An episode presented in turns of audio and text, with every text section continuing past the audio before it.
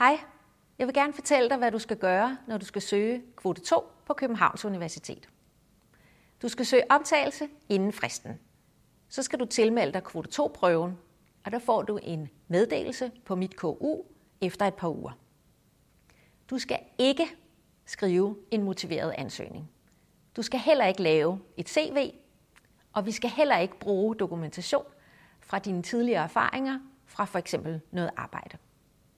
Du skal heller ikke nødvendigvis have 6,0, men du skal opfylde alle de andre adgangskrav. Vi skal have dokumentation for dine uddannelser. Det vil sige, at vi skal have et bevis fra din gymnasiale eksamen. Vi skal have bevis fra suppleringskurser, hvis du har suppleret. Og så skal vi have bevis, hvis du har gået på en videregående uddannelse tidligere. Husk, vi skal kunne se det hele på dine beviser. Det vil sige, at vi skal både kunne se dit navn og CPR-nummer, du må gerne tage et billede af dine beviser og lave det om til en pdf, inden du skal uploade.